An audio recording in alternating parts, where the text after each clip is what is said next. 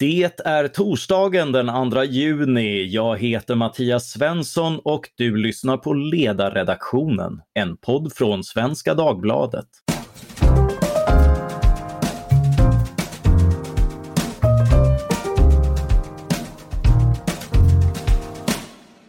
Dagens ämne är Det är inte kört för integrationen. Med mig för att diskutera detta ämne har jag Timbros VD, tidigare ordföranden för Moderata ungdomsförbundet Benjamin Dosa, som är aktuell med boken Massintegration.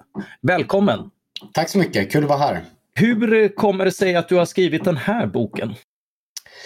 Bra, bra fråga. Eh, jag har väl alltid varit intresserad av integrationsfrågor och kommer ju själv från både Husby och Kista. Eh, och det finns ju väldigt mycket rapporter och böcker om enstaka områden. Det finns, jag menar, Entreprenörskapsforum har jättebra rapporter om invandrarsysselsättning till exempel. Stiftelsen Doku har jättebra om heder. Eh, men jag tyckte att det saknades ett eh, helhetsgrepp kring de här frågorna, hur allting hänger samman. Jobb och bidrag, bostadspolitiken, hedersfrågorna, skola och utbildning också. Så därför tog jag initiativ till den här boken helt enkelt. För att eh, skapa en helhetsbild. Vad, hur läget ligger till, blanda då fakta med intervjuer eh, och en del reformförslag på olika områden. Eh, ja, det finns ju onekligen som du säger mycket att ta av. Det är socialt utanförskap, hög arbetslöshet, bidragsberoende, sjunkande skolresultat, brottsutsatta förorter, hedersmord och kontroll av hur unga flickor lever. Det, det, är inga små eller lätta frågor du har tagit dig an och ändå blir din ansats konstruktiv och varje kapitel avslutas med konkreta förslag. Blir du aldrig uppgiven? Eh, jag tror inte man kan bli uppgiven för att nu befinner sig Sverige här och vi måste göra någonting åt det. Men det är klart att det har ju varit lite av en berg och dalbana att skriva den här boken en del områden, till exempel jobb och bidragssystemen, hade jag ganska mycket i bagaget. Jag, jag behövde inte läsa in lika mycket som, som flera andra områden som jag kände till betydligt sämre. Och det är klart att eh, till exempel när jag skrev kapitlet om lag och ordning och brott och straff, då blev man ju rätt eh, eh pessimistisk faktiskt. Jag läste både Fredrik Kärrholms bok, eh, Lasse Werups bok som kom ut, båda de kom ju förra året. Um, och det är klart att det, det, ser ju väldigt, väldigt mörkt ut för Sverige. Uh, och det man kan det jag oroades över och det, känslan jag fick när jag gjorde all research, och jag intervjuade också, alla intervjuer är inte med i boken, jag har intervjuat en 30-40 personer, poliser, socialsekreterare, det var att eh, det, tittar man i, i politik-Sverige finns det nästan en känsla av att ja, men nu har vi nått botten, nu kan det inte bli värre. Um, och, och, min bild jag fick är att det kan definitivt bli mycket värre om vi inte gör någonting åt det här. Uh, och det är därför det här ämnet är så himla viktigt. Jag tycker att det är Sveriges enskilt största samhällsproblem som leder till brottslighet, som leder till, och en, en rot till det är också dåliga skolor, det blir segregerade bostadsområden. Um, så det är klart att det det, det, är en tunnel. Jag ser inte riktigt ljuset än om vi inte gör någonting. Och det kan bli ännu mörkare innan det blir ljusare om vi fortsätter på den inslagna vägen. I många fall så har du hittat konkreta exempel på hur man kan arbeta bättre, som att man i Sundbyberg gör hembesök hos folk som lever på socialbidrag. Hur, hur har det fallit ut? Mm, jag kan berätta lite hur den här typen av hembesök fungerar. Det betyder helt enkelt att socialtjänsten åker hem till familjen eller individen som lever på försörjningsstöd eller det som i folkmun kallas för socialbidrag. Eh, och helt enkelt för att undersöka ett, bor personen på den adressen som man har uppgivet eller fuskas det redan där? Två, har man på andra sätt fuskat med, med bidragen? Alltså har man sagt att man inte har några tillgångar men ändå så har man en Eh, eh, Porsche som står utanför eller, eller eh, på, på annat sätt har fuskat. Och när Sundbyberg gjorde det här 2018 så ledde det till att man drog in en fjärdedel av försörjningsstöden. Och den vanligaste anledningen till varför man drog in de här bidragen var att man helt enkelt hade fuskat eller felaktigt uppgivit att man bodde på den adressen som man, som man sa att man gjorde. Så man bodde helt enkelt inte där. Eh, och trots att det här har varit väldigt framgångsrikt för kommuner som Solna, Sundbyberg, Växjö så är det bara hälften av Sveriges kommuner som gör någon form av kontroller och hembesök för att upptäcka fusk och felaktigheter. Så det här har ju varit väldigt eh, lyckosamt för, för Sundbyberg. Och det jag kan störa mig lite på är att det är klart som liberal eller moderat eller konservativ så tycker man ju att, att eh, skattebetalarnas pengar i onödan inte ska slösas eh, på, på, på det här uppenbara sättet. Men jag kan tycka att även vänstersidan och, och de, av de kommuner som också gör hembesök så är nästan alla borgerligt styrda. Men jag kan tycka att även vänstersidan borde tycka att det här är en viktig fråga att pengar, skattebetalarnas pengar inte betalas ut i rent fusk eller, eller felaktigheter. Ja, onekligen. Eh, och, och, att det skulle finnas så, så mycket luft i systemen är ju ytterligare en anledning. Du har, du har en del teorier om varför det inte görs mer systematiskt. Ja, jag tror att det är i grund och botten goda intentioner eller direkt okunskap varför man inte gör det här. Det kan man säga, hela försörjningsstödet, alltså socialbidraget, är ju en, en konstruktion av goda intentioner. Det är ju ingen, inte ens socialdemokratiska politiker som säger så här, men vi vill att invandrarfamiljer ska vara bidragsberoende så länge som bara möjligt. Utan man säger ju ofta att nej, men vi behöver ha höga bidragsnivåer för att tänk på barnen, tänk på familjen. Barnen har själva inte valt sina föräldrar till exempel. Eh, men att bidragsnivåerna blir så upptrissade och bidrags, socialbidraget idag, lite grovt förenklat, består av tre olika delar. Riksnormen som är samma i hela Sverige och där räknar man ut beroende på hur många familjemedlemmar, hur många barn man har. Um, och den ska täcka mat och uh, dagstidningsprenumeration och, och den typen av kostnader. Sen har man boendekostnader kopplat till eh, ja, ett andrahandskontrakt, kanske elkostnader. Av förklarliga skäl så skiljer den sig också väldigt mycket i olika kommuner. Det är dyrare att bo i Stockholm än i Haparanda till exempel. Och en tredje del är att kommunerna i princip får lägga till i princip vad de vill. Eh, Örebro har ett generellt bidrag till exempel. Ehm, och de här tre olika delarna tillsammans pressar upp bidragsnivåerna ganska högt vilket då gör det olönsamt om en av föräldrarna går från bidrag till arbete. Eh, och det är först om båda föräldrarna börjar jobba samtidigt som det är lönt i plånboken. Ehm, eh, och det här tror jag är ett resultat av helt enkelt goda intentioner. Att man man, man vill att så många som möjligt ska, ska ha det så bra ställt som möjligt. Eh, det kan jag respektera, men det leder till förödande konsekvenser där man låser fast människor i bidragsberoende och där framförallt barnen ärver sina, föräldrar bidrag, sina föräldrars bidragsberoende. Så det finns, det finns två argument eh, för, eh, för att se över. dels att, att kolla efter fusk så att man får bort eh, ja, pengar som helt enkelt skickas i sjön men också att se över hur, eh, hur människor kan uppmuntras att komma ut i arbete och göra rätt för sig istället för att eh, hamna i bidragsfällor. Precis, och där skriver jag också om i boken det som kallas för aktiveringskrav eller krav på motprestation. Alltså att en kommun kan idag säga, ja men du ska absolut få, få tak över huvudet och mat på bordet, men ska du få det och du bedöms ha arbetskapacitet, då förväntas du eh, gå en praktik åtta timmar per dag. Om du då säger nej men det har jag ingen lust att göra, då kan kommunerna dra in hela eller delar av bidraget. Och det finns det också en, en rad framgångsrika exempel på kommuner som har gjort det. Till exempel Solna kommun Eh, en relativt stor kommun i Stockholms län med hög andel utrikesfödda eh, och de hade en av länets högsta nivåer av bidragsberoende för bara 20 år sedan. Eh, och har idag ungefär 100 familjer som lever på försörjningsstöd. Så att bidragsfrågan är knappt en fråga i Solna nu för att man har ställt den här krav, typen av krav på motprestation, eh, hembesök, helt enkelt haft koll på, på, på bidragssystemen. Är det inte en risk att det blir alibi-verksamhet och att folk blir förnedrade genom, att, genom åtgärder som egentligen inte leder någonstans? Nej, alltså, där tycker jag evidensen är väldigt tydliga. Det finns ju forskning från IFA bland annat som visar på att de här aktiveringskraven faktiskt gör skillnad och får in människor i arbete. Eh, och där tycker jag ju att eh, som liberal att man borde använda samma typ av argument som vänstersidan har. Alltså det är ju för barnens skull vi gör det här. Att, eh, att få ett jobb eh, ökar benägenheten för barnen att klara skolan. Det är mindre risk för att de hamnar i brottslighet. Det är mindre risk att de själva hamnar i bidragsberoende. Eh, så det är ett viktigt perspektiv tycker jag. Du berättar också om Susanne Norman och Lillemor Bergqvist som tagit över Storvretskolan i Botkyrka som stor, Skolinspektionen varit tvungna att ta över. Vad hände där? Ja, det är kanske mitt favoritkapitel i boken, skola och utbildning. Också en av ljuspunkterna. Där kan man verkligen se ljuset i, i tunneln.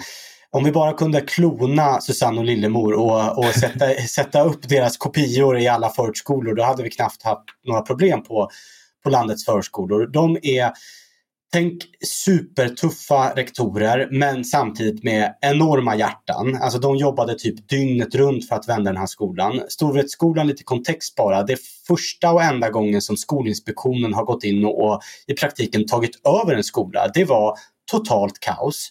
Eh, polisen ville lägga ner den här skolan. På fredagar efter lunch kunde man inte ens ha skollokalerna öppna för att det var typ våldsamt upplopp när Susanne och Lillemor var på Storvretskolan, eh, deras första dag, så pågick knappt några lektioner. Det bara sprang ut och in killar från klassrummen, det skreks, det kastade saker på lärare och på andra elever. Eh, de bedömde att det var ungefär 40 50 våldsbrott på skolan varje dag. Och det de då gjorde, det är Folkpartiets stora skoldröm kan man säga. De tog mobiltelefonerna. ja, exakt. Och kepsarna, ordning och reda.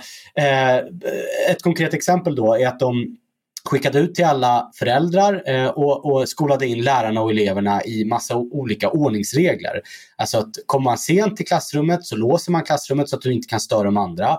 Om du skriker i korridorerna, om du kommer för sent, om du har keps på dig, om du kittlas, om du busas för mycket, eh, då kallas du in till rektorn efter skoltid.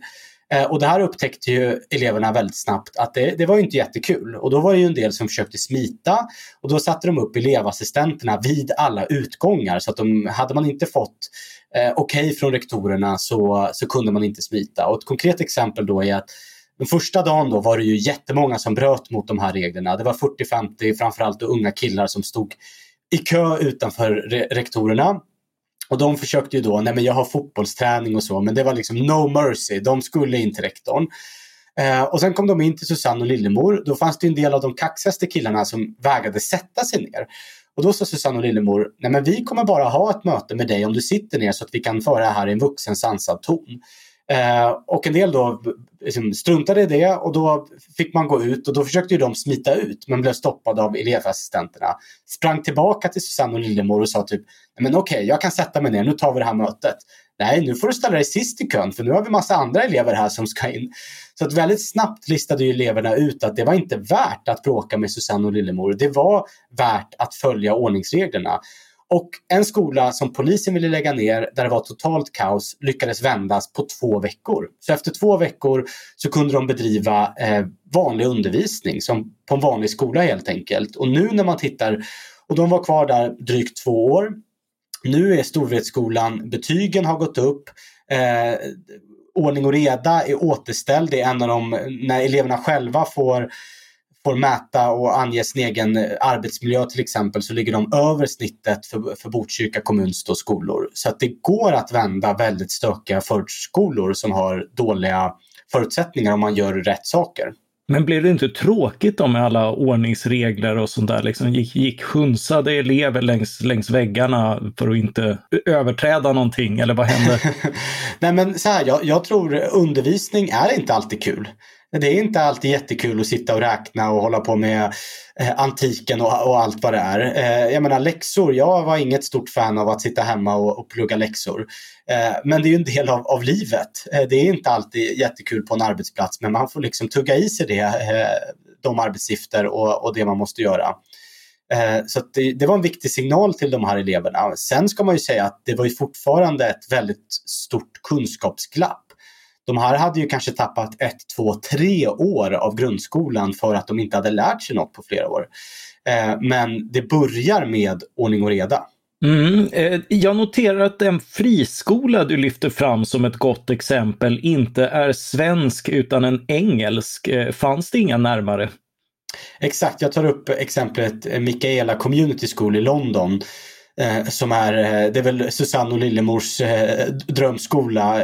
Många utsatta elever, ordning och reda och har vänt kunskapsresultaten. Det är klart att det finns friskolor i Sverige idag som använder den typen av pedagogik, till exempel Engelska skolan. Varför jag inte valde det är för att det saknas data i Sverige. I, i Storbritannien så mäter man skolor, du kan följa kunskapsprogressionen, du kan rensa för socioekonomiska faktorer så att du kan man kan sammanfatta det som du kan se på rak arm att den här skolan med de här förutsättningarna slår sina peers eller till och med skolor med bättre förutsättningar. Den typen av data finns inte i, i Sverige även om till exempel då Engelska skolan använder liknande metoder. Mm. Eh, jag, tänkte, jag, jag, blir alltid lite allergisk mot tvärsäkerhet om en pedagogisk idé. Eh, om någon vill jobba på ett annat sätt eller sätta sina barn i en skola som gör det, eh, ska, ska de inte då få göra det? Min, min grundinställning är faktiskt nej. Alltså att vi eh, till exempel i sjukvården så kan vi upphandla viss vård men det är inte som att Capio får bedriva vilken vård de vill utan kommer man in med ett brutet ben så, så ska det hanteras på ett visst sätt. Eh, och i skolan så vet vi mer än någonsin tidigare om kognitionsvetenskap, om hjärnforskning, hur elever får in kunskapsstoffet i huvudet på så effektivt sätt. Att då enskilda rektorer, lärare och skolor bryter mot det och liksom lite High Chaparral-mässigt gör vad de vill. Det tycker inte jag är bra. Men sen tycker jag att man eh, inom ramen för en striktare läroplan eh, och där man reglerar innehållet mycket mer kan tillåta experiment. Om det är en lärare som till exempel får för sig så här, nej men nu ska vi stoppa in eh, spinningmaskiner och så tror jag att man kan lära sig eh, engelska på ett bättre sätt genom att sitta och cykla samtidigt. Eh, ja, istället för att bara rulla ut det i massa skolor och massa klasser får exponeras för det här som kanske inte funkar, det kanske funkar, så borde man då kunna söka tillstånd eller på eget sätt liksom, ta initiativ till det här experimentet och tydligt följa upp. Ledde det här till högre kunskapsresultat? Gjorde det inte det? Om det inte gjorde det så måste man avsluta med metoden. Så att ett reglerat system kan ändå öppna upp för innovationer. Det tycker jag är viktigt ändå. Mm, eh, mycket att göra i skolans värld. E, ett exempel som gjorde mig modfälld och där jag noterar en frånvaro av förslag är företagaren eh, Riyad Saitoun eh, som driver tobaksbutiken i Hjulsta och som inte kan försäkra sin butik. Eh, mm. vad har hänt där och hur kan man hjälpa honom? Ja, det var ju en av de berättelserna som, som verkligen eh, ja, skar i hjärtat. så. Eh, Riyad kom till Sverige för, vad blir det nu, tio år sedan ungefär. Hade drivit en liten livsmedelsbutik i Syrien, eh, kommer hit eh, och köper då en tobaksbutik, eller den enda tobaksbutiken som finns i Hjulsta.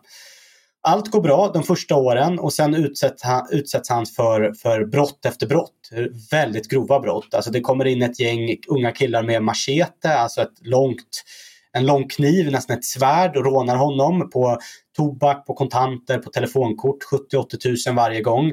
Någon gång kommer in ett gäng med, med pistol, de slår honom dessutom samtidigt. Eh, och bland det värsta som händer är att eh, ett gäng då rånar honom ytterligare något år senare. Eh, får med sig allt de vill ha och sen i utgången, när de redan har fått allt, så vänder de sig om och slänger in en molotov cocktail i den lilla tobaksbutiken. Eh, och det som händer då eh, är att först så börjar försäkringspremierna skena. De dubbleras i princip varje år. Så att när han köpte butiken så betalade han ungefär 400 kronor i månaden och sen höjs det knappt, eh, snabbt till 800 kronor, blir över eh, 1500 kronor och så fortsätter det sådär. Och nu står han helt oförsäkrad. Eh, så att det är inget försäkringsbolag som vill teckna försäkring för hans butik. Eh, och det tycker jag är ett viktigt perspektiv som jag hade med mig under hela boken. Att ja, det är klart att invandrare är överrepresenterade som, som våldsverkare. Det finns det mycket forskning på, Brå till exempel. Men invandrare är också överrepresenterade som brottsoffer. Eh, det är ju Riyadh som får betala det högsta priset för sig själv, för sin egen säkerhet, för sin egen plånbok. Eh, för att polisen misslyckas att, att upprätthålla lag och ordning i Hjulsta till exempel. Jag noterar förstås att du bland eh, brottsbekämpande åtgärder har legalisering av åtminstone marijuana och kanske fler droger än så. Hur, hur tänker du där? Ja, jag håller mig till cannabis i alla fall. Men, och det här Mattias, det är ju, eh, du, du, du, kan ju mycket om, om de här frågorna. Jag gick in med ganska öppna ögon. Jag kan inte, eller jag kunde inte jättemycket om cannabis. Och sammanfattningsvis eh, när jag tittade på forskningen, den medicinska forskningen, så så ligger någon slags forskarkonsensus mellan intervallet att det är eh, lite mindre farligt än alkohol och lite mer farligt än alkohol. Där någonstans finns intervallet. Så finns det vissa delar som som, som, som är, ja, en del forskning som visar på att det är lite farligare. Men ingen påstår att det är mycket farligare än alkohol och ingen påstår att det är helt ofarligt. Eh, så det är det, med, det medicinska perspektivet. Eh, och den andra delen handlar ju om eh, rent praktiskt, att det här är en väldigt stor inkomstkälla för gängen. Jag beskriver en, jag intervjuar i boken en ex-kriminell som är avhoppad nu som begick väldigt grova våldsbrott. Eh, och han, när han var 14-15 år så jobbade han på ett nöjesfält, eh, cyklade till jobbet varje dag, slet som 17 eh, och fick, eh, jag tror att det var om det var 15 000 kronor efter en hel sommar. Och ytterligare något år senare så hade han blivit lite stökigare. Och då var det ett gäng som kontaktade honom och tyckte att han skulle eh, ta en väska då från, från där han bodde till Malmö.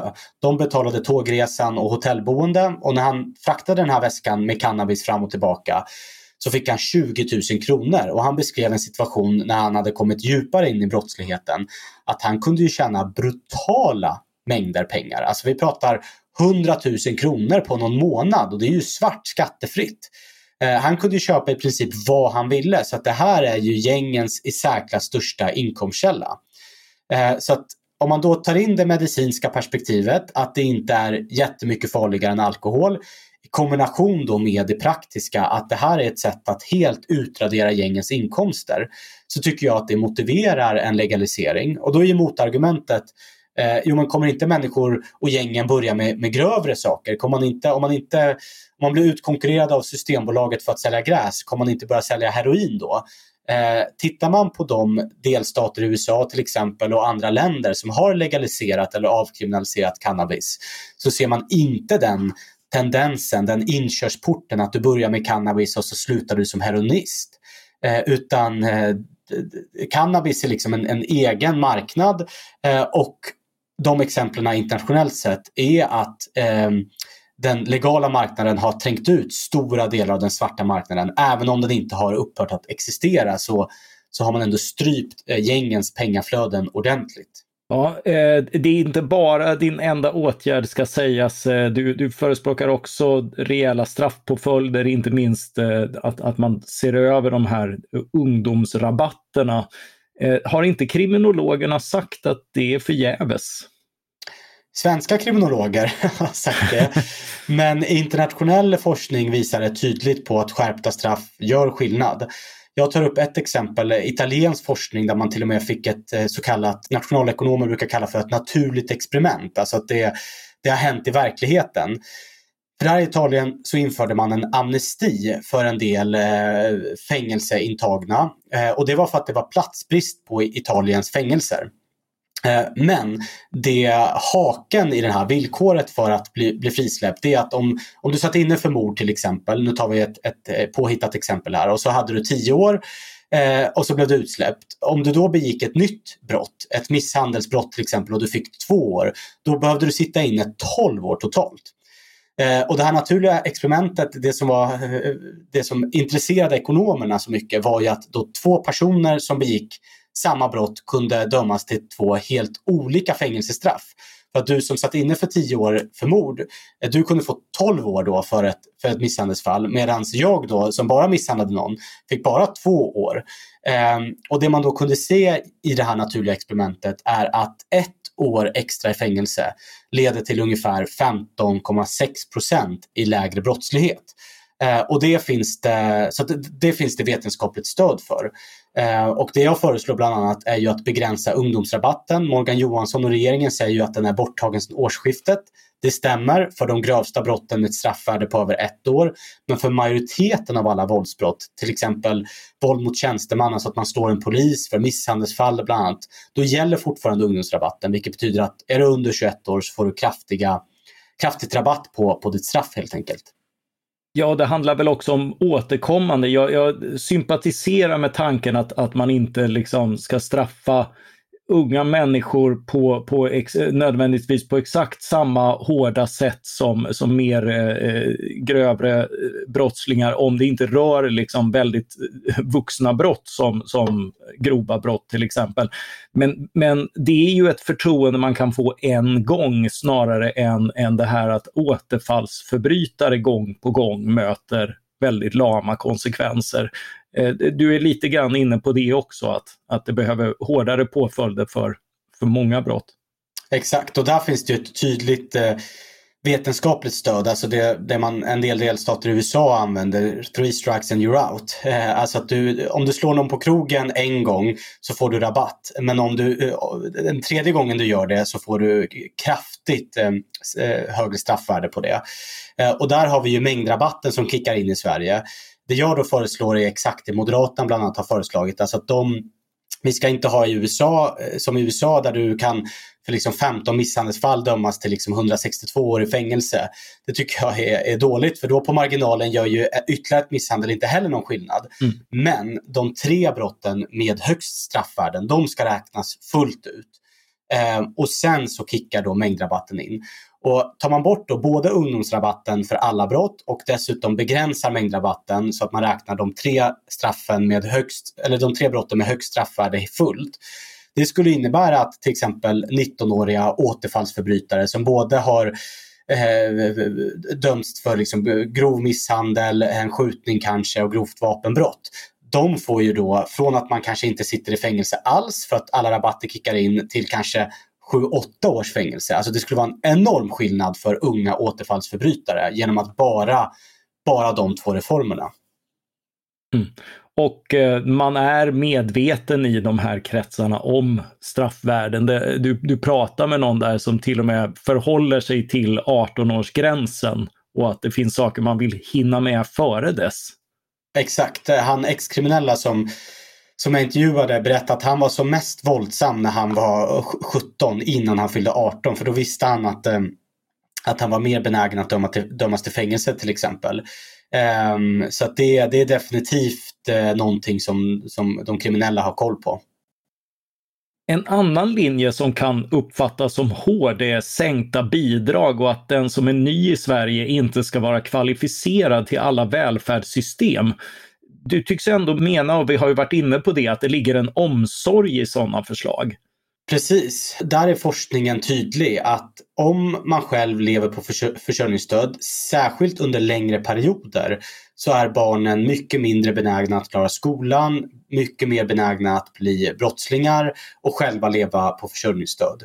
Eh, det är därför det är enormt viktigt med en stram bidragspolitik som det också finns evidens för leder till att fler så att utbudsreformer leder till fler i arbete. Eh, så det är ju att, att ställa krav, att ha förväntningar, det är att bry sig och det är väl lite den röda tråden i alla kapitlet. Man ska ha förvä höga förväntningar och ställa krav, ordning och reda i skolan, i bidragssystemen på arbetsmarknaden. En del andra krav gäller ju eh, vilka jobb människor kan få. Det finns en kritik mot gigjobb och så kallad Foodora-liberalism också till höger. Finns det inte en risk att människor utnyttjas och fastnar i jobb som är så enkla att de inte leder vidare? Men om man ska vara helt krass, det är klart att många jobb eh, kommer inte, all, alla historier är inte solskenshistorier där du börjar som ny i Sverige som, som städare till exempel eh, och sen blir du raketforskare efter, efter 20 år. Men att städa är bättre än att leva på bidrag. Min släkt har städat sen, sen vi kom till Sverige. Jag hade mitt första extra och sommarjobb med mamma och skurade toaletter och, och moppade golv. Eh, och det är ju det som är alternativet. Den högerkritik som finns mot Foodora-liberalismen mot städyrket till exempel. Eh, den bygger ju på att, att, alternativet är att de här människorna eh, får, får massa andra jobb. Men alternativet om du har kommit till Sverige, du kanske Sannolikt kan du inte svenska. Eh, du, kanske har, du kanske inte har gått ut gymnasiet i ditt hemland. Eh, då är alternativet bidrag eller att eh, städa till exempel. Och då är det mycket, mycket bättre och finare tycker jag att städa än att leva på andras pengar. Mm. Du försvarar också arbetskraftsinvandring som Moderaterna och Kristdemokraterna nu vill strypa. Exakt. Alltså en sak jag är orolig med i hela integrations och invandringsdebatten eh, och jag menar, jag är väldigt tydlig i boken att det finns djupa problem. Vi måste, ha, vi måste göra massa saker åt det. Men att en del partier kanske blir lite övertända i en del av de här debatterna och det finns ju system som i stora drag funkar bra, till exempel arbetskraftsinvandringen. Att människor kommer hit, jobbar, gör rätt för sig oavsett om det är som eh, högteknologisk programmerare eller som bärplockare till exempel. Eh, jag menar, skulle vi inte ha utländska bärplockare så skulle det inte plockats no några bär i Sverige. Eh, så den delen funkar i stora drag bra. Sen fuskas det i arbetskraftsinvandringen också. Det kanske är så att golvet för att få komma hit som arbetskraftsinvandrare är lite lågt satt. Kanske rimligt att ha det på en gräns på 18, 19, säg 20 000 i månaden. Men som Moderaterna och Kristdemokraterna har föreslagit, alltså att ha, ha ett golv på Moderaternas ursprungliga förslag var på typ 33-34 000. Det betyder att typ Engelska skolan skulle ha svårt att, att få hit lärare från Kanada. Eh, och jag menar, det tycker jag är ett sånt konkret exempel på där M och KD har blivit lite övertända i den här debatten. Att istället för att fokusera på där det fuskas och att kanske höja golvet lite grann så har man gått igång lite för mycket så att säga. Mycket handlar ju om integration, men du skriver även om villkoren för migration. Vilka förändringar vill du se där och varför? Men tittar man på vad ska man kalla det, den asylrelaterade invandringen till Sverige. I, idag är det ju en känsla att så här, men gränsen är stängd. Visst, det kommer lite ukrainare, men, men that's it. Eh, det är ju inte sant, utan innan kriget i Ukraina eh, och efter då migrationskrisen 2015-2016 så kommer det mellan ja, men, säg mellan 30 till 40 000 människor till Sverige eh, och där många då är anhöriginvandrare till då asylinvandrare. Eh, och eh, där finns det då i teorin ett försörjningskrav. Ska du ta hit en anhörig, din man, din fru kanske, dina barn, eh, en annan nära anhörig, så ska du kunna försörja den. Och det tycker nog de flesta svenskar är, är fullt rimligt. Problemet med försörjningskravet är att det bara gäller i teorin, inte i praktiken kopplat då till den asylrelaterade invandringen. Så ska du ta hit en, en um, nu vet jag att du har en fru Mattias, men säg att du skulle ta hit en, en, en fru från Australien eller eh, Nya Zeeland. Då skulle försörjningskravet kicka in skarpt för dig. Men om du kommer hit som asylinvandrare så gäller inte uh, an, uh, försörjningskravet om du då ansöker om anhöriginvandring inom tre månader efter att du har kommit till Sverige. Dessutom räknas a-kassa och sjukpenning in uh, som försörjning. Eh, och det här tycker jag att man ska reglera och, och, göra skarpare så att det ska vara samma typ av försörjningskrav. Eh, delvis ta bort att a-kassa och sjukpenning räknas, det ska vara en riktig eh, inkomst. Eh, och dessutom så ska man ta bort det här undantaget för tre månader. Så att samma försörjningskrav gäller om du ska ta hit en, en fru från Australien som om man ska ta hit en släkting från, från Irak eller Somalia eh, som asylinvandrare. Eh, många har på sistone påpekat att integration och att rota sig i Sverige handlar om mer än att jobba och lyda lagar. Det handlar om värderingar. Ändå har du inte så många förslag på det området. Hur kommer det sig? Eh, värderingar, heder, eh, det var väl de frågorna som eh, jag kanske la mest tid på, på research. Eh, och där det tyvärr är ganska, forskningen är ganska nedslående att eh, värderingar är extremt trögrörliga. Eh, och då finns det, om man ska skilja på någon slags lite ytligare värderingar som att eh, är det viktigt att man följer lagen, är det viktigt att ha ett jobb? Den typen av värderingar förändras ändå ganska snabbt. Så att den kan ske inom själva generationen på 10-15 års sikt kanske. Eh, och där finns det forskning i Sverige. Vad gäller de mer djupgående värderingarna, alltså synen på eh, hbtq-personer, på jämställdhet, på antisemitismen till exempel. De värderingarna är exceptionellt trögrörliga. Eh, och det är ju, eh, och med det sagt så är inte det oviktigt. Jag vill själv inte bo i ett samhälle med tiotusentals antisemiter och homofober. Men vad kan man då från politiskt håll egentligen göra? Eh, och där är det tyvärr ganska nedslående. Man kan inte göra så mycket. Visst, man kan skärpa straffen för de riktigt grövsta hedersbrotten. Men jag menar, det är ju, och, och de är väldigt allvarliga, men det är ju tiotusentals unga flickor som till exempel inte får gå på bio med sina, med sina tjejkompisar eller killkompisar för den delen. Eh, och där är det svårt att liksom politiskt reglera det. Och då finns det en del partier som har föreslagit typ samhällsorienteringskurser. Att är du ny i Sverige som asylinvandrare till exempel så ska du tvingas gå två dagar och lära dig om det svenska samhället. Eh, och där, där finns det väldigt svagt evidens för att det skulle göra någon skillnad överhuvudtaget. Eh, men en ändå uppmuntrande eh, forskningsstudie som jag hittade var från Nederländerna där man har studerat turkiska och marockanska flyktingar eh, framförallt konservativa. Och det man kunde se är att om mamman i familjen började jobba, då påverkades hela familjens värderingar i betydligt mer liberal riktning. Eh, och där, så det sätter ju fingret på att det är särskilt viktigt att få in då kvinnor på arbetsmarknaden och det är ju kvinnorna, framförallt från Afrika, som har lägst sysselsättningsgrad i Sverige just nu. Vi är tillbaka till eh, integrationsförslagen. Eh, och, och, det är ju, du har många konkreta förslag som en borgerlig regering inte borde ha några större reservationer mot att genomföra. Vad kan vi realistiskt sett förvänta oss om de genomförs? Hur långt tror du att vi kommer? Det beror lite på vad som händer i valet i, eh, i höst. Ehm, tyvärr så har ju den nuvarande regeringen eh, i, i teorin och i, liksom i retoriken sagt att nu invandrare måste jobba. Det är viktigt att man gör rätt för sig när man kommer till Sverige. Men i praktiken har man, gjort, har man inte gjort några förändringar av bidragssystemen till exempel. Eh, så sitter nuvarande regering kvar, Miljöpartiet kanske hoppar in, då tror jag vi ser relativt få reformer på integrationsområdet som faktiskt gör skillnad. Jag, jag tänkte mer om din agenda genomförs, hur, hur långt tar den oss? Ja, du tänker så. Eh, ja. Jo, men det, det beror på hur många av reformerna man, man genomför. Jag tror ju att eh, eh skulle man gå all in på bidragsområdet eh, och skolområdet, de två delarna skulle jag säga är absolut viktigast. Och där skulle man nog se effekt ganska snabbt. Eh, alltså jag skriver att det är 800 000 människor som befinner sig i utanförskap i Sverige. Ett par hundratusen av dem befinner sig ganska nära. Eh, man är ung, man kan svenska men befinner sig ändå utanför.